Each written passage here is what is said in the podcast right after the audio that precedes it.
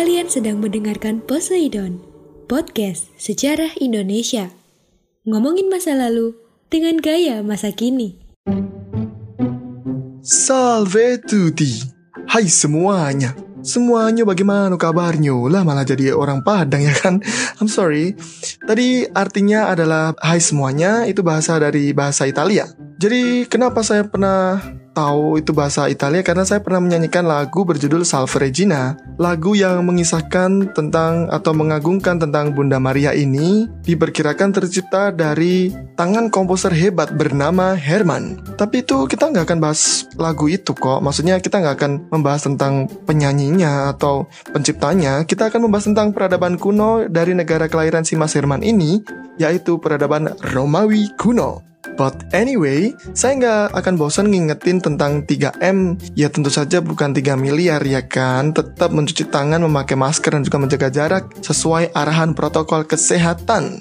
Dan tanpa basa-basi lagi, kita akan membahas sebentar lagi Yozono Mirza. Hayu kita bahas. Nah, Peradaban Romawi kuno terletak di antara uh, semenanjung Alpenia atau Italia dan Pulau Sisilia serta Pulau Sardinia. Masyarakatnya merupakan campuran dari penduduk asli dan pendatang dari suku-suku Kelana di bagian utara dan sekitar Laut Kaspia. Uh, laut yang di mana kalau misalkan kamu malam mingguan selalu ada di rumah gitu kan ya. Aduh, lawak. Sorry, sorry, sorry. Jadi sebenarnya itu tidak banyak yang diketahui tentang Romawi kuno sih, karena sumber tertulisnya itu uh, yang dijadikan acuannya itu nggak banyak. Jadi mungkin karena pada tahun 390 sebelum masehi, bangsa Galia menyerang Roma dan diperkirakan menghancurkan ber, uh, sebagian besar catatan bersejarah. Nah, kemasyuran dari Romawi ini atau Romawi kuno ini terdapat pada legenda dan mitologi Romawi. Menurut legendanya, Romawi didirikan oleh suku lokal, namun di bawah pimpinan Julius Caesar, Romawi mulai mengalami tanda-tanda kejayaannya dan mampu menguasai setengah dari Eropa. Akan tetapi, Caesar, ingat bahasa walaupun tulisannya Caesar, bukan bacanya Caesar ya ini ya. Tapi Caesar, ya hampir mirip dengan Kaisar. Si Caesar ini membutuh, uh, membuat hukum yang tidak bisa diterima oleh Romawi. Nah kenapa? Karena si mas-mas Julius ini adalah seorang pemimpin yang ternyata pemimpinnya tuh militer dan politikus. Maksudnya orang ini tuh seorang pemimpin militer dan juga politikus. Nah, karena terendus akan kekacauan hukum yang ia buat sendiri, justru membuatnya tidak kalah, uh, maksudnya tidak mundur dengan jabatannya. Ia justru malah mengkudeta. Loh kan aneh kan? Jadi diminta untuk mundur, malah dia mengkudeta pemerintahan Romawi. Dan kok dilalahnya gitu loh, menang. Akhirnya ia menjadi penguasa Romawi yang bisa dibilang uh, apa namanya diktator gitu. Nah warga yang merasa dihianati oleh pemimpinnya sendiri ini mencoba untuk melawan atau menggulingkan serta bahkan lebih ekstrim gitu loh, membunuh. Ya Allah, naudzubillah, jangan sampai terjadi di Indonesia. Nah karena akhirnya si mas-mas Julius Kaisar ini berhasil dibunuh gitu sama pengkudeta atau orang-orang atau masyarakat yang merasa tidak puas dengan kinerjanya, digantikanlah dengan anak angkatnya yang bernama Octavianus. Chaos yang ditimbulkan oleh penguasa sebelumnya harus ia selesaikan dengan cara seksama dan dalam tempo yang sesingkat-singkatnya.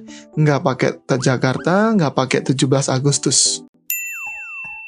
Nah dari kemelut di dalam tubuh pemerintahan sendiri hingga perseteruannya dengan Mesir, mereka harus menyelesaikannya. Lebih tepatnya si Octavianus ini harus segera menyelesaikannya. Nah, namun Octavianus ini akhirnya berhasil menyelesaikan lalu ia kembali ke tanah Romawi dan menobatkan dirinya sebagai kaisar yang baru. Nah, kaisar ini, Kaisar Octavianus ini memiliki banyak gelar, bukan sarjana, bukan magister, apalagi gelar haji ya kan. Jadi melainkan imperator dan juga Augustus. Dengan penobatan ini, maka kekaisaran Romawi yang dibagikan atau dibangun selama tujuh abad lamanya resmi berdiri sekitar tahun 27 sebelum Masehi. Hmm, lama juga ternyata ya.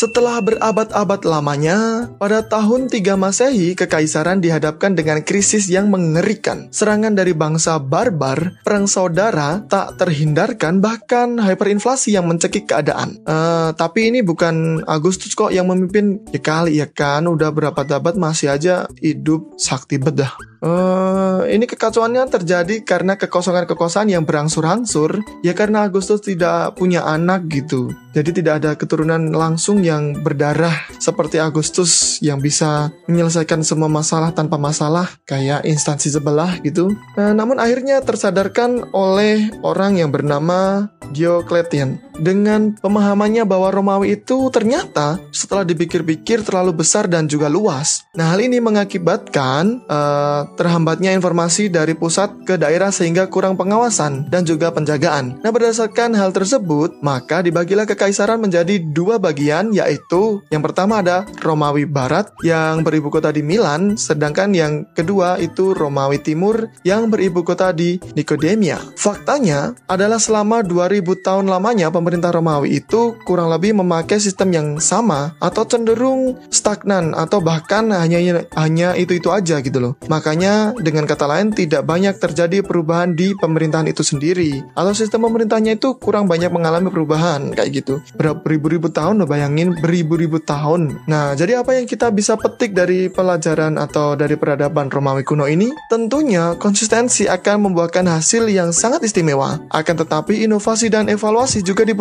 agar jalannya ke depan itu semakin baik dan semakin baik lagi sama seperti meraih kesuksesan dalam hidup uh, dibutuhkan konsistensi dan juga inovasi jadi nggak mungkin kan kita hanya melakukan hal-hal yang itu-itu aja gitu jadi kan kita membutuhkan inovasi dalam kehidupan agar kita bisa meraih kesuksesan yang kita dapat inginkan. Jadi enak kan belajar sejarah karena ilmu akan membuat kita jadi lebih bijak. Makanya jangan lupa terus untuk selalu belajar dan juga jangan lupa ikuti terus perkembangan kami di Instagram at podcast underscore sejarah Indonesia dan juga follow Spotify kami ya. Salam sejarah, salam lestari, saya Mirza, terima kasih. Terima kasih.